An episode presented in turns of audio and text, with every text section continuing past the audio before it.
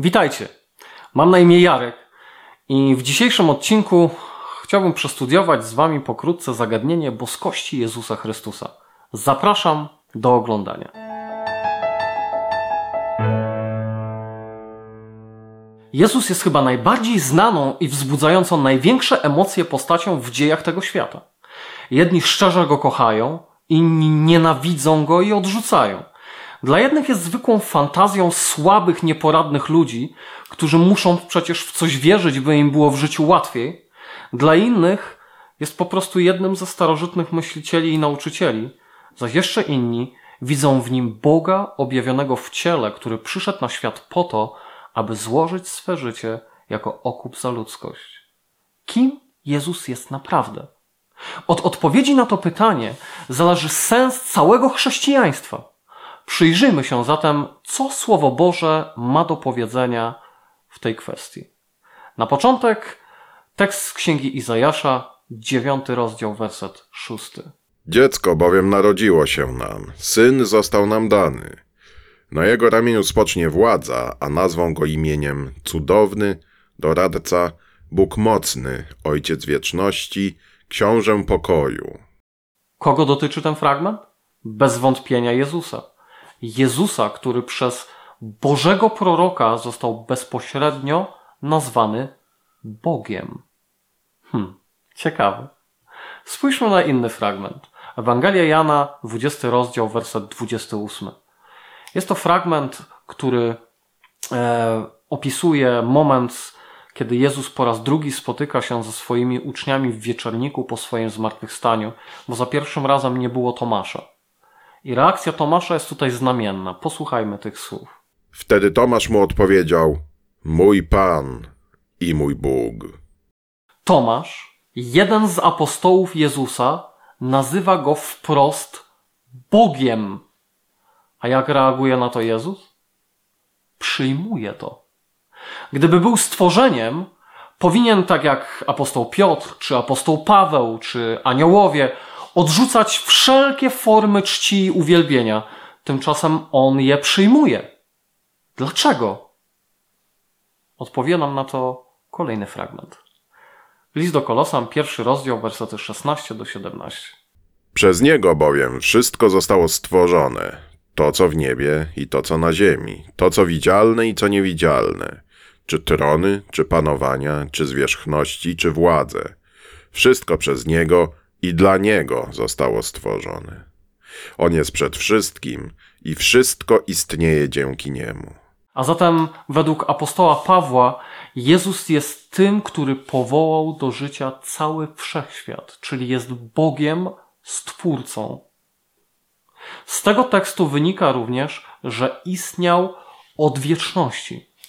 Jest szereg tekstów biblijnych, które potwierdzają właśnie ten fakt, ale nie mamy teraz czasu na to, żeby je wszystkie przytoczyć czy przeanalizować. Idźmy dalej. Księga Objawienia, piąty rozdział, werset trzynasty. A wszelkie stworzenie, które jest w niebie i na ziemi, i pod ziemią, i w morzu, i wszystko, co w nich jest, słyszałem, jak mówiło, zasiadającemu na tronie i barankowi błogosławieństwo, i cześć, i chwała, i moc na wieki wieków. W tym rozdziale Księgi Objawienia znajduje się opis intronizacji Chrystusa po jego w niebo wstąpieniu i wcześniejszym poniesieniu ofiary za rodzaj ludzki. Widzimy, iż wszelkie stworzenie we wszechświecie, wszelkie, oddaje cześć na równi temu, który zasiada na tronie, czyli Bogu Ojcu, oraz barankowi, czyli Chrystusowi. Gdyby Jezus nie był Bogiem, nie mógłby być traktowany w taki sposób. Tym bardziej, że Bóg mówi, tak jak cytowaliśmy sobie w poprzednim odcinku, przede mną Boga nie było i po mnie się go nie stworzy. Albo inny fragment mówi, ja Pan swojej czci nie oddam nikomu. Więc jeżeli Jezus nie byłby Bogiem, nie mógłby odbierać czci od całego wszechświata. Jaki jest inny atrybut Boga? Co Bóg może robić, a czego y, nie może zrobić człowiek ani żadne inne stworzenie. Oddajmy y, tutaj głos znowu Pismu Świętemu. Sięgniemy do Ewangelii Łukasza, piąty rozdział, wersety 20-21. On, widząc ich wiarę, powiedział mu: Człowieku, przebaczone ci są twoje grzechy. Wtedy uczeni w piśmie i faryzeusze zaczęli się zastanawiać i mówić: Kim jest ten, który mówi bluźnierstwa? Któż może przebaczać grzechy oprócz samego Boga? Wow! Niesamowite! Więc tutaj jest wyraźnie powiedziane, że jedynie Bóg może odpuszczać grzechy. A jednak Jezus robił to wielokrotnie. W Piśmie Świętym znajduje się mnóstwo fragmentów, które mówią o tym, jak Jezus poszczególnym osobom odpuszczał grzechy. A zatem świadczy to o tym, że Chrystus jest Bogiem. Następny fragment jest naprawdę szczególny. Przeczytajmy go teraz wspólnie. Są to dzieje apostolskie, siódmy rozdział 59 do 60.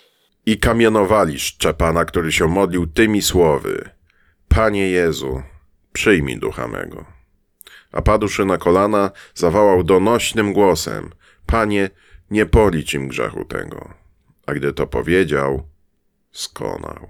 Pozwólcie, że zapytam Was, do kogo wolno się nam modlić? Czy nie wyłącznie do Boga?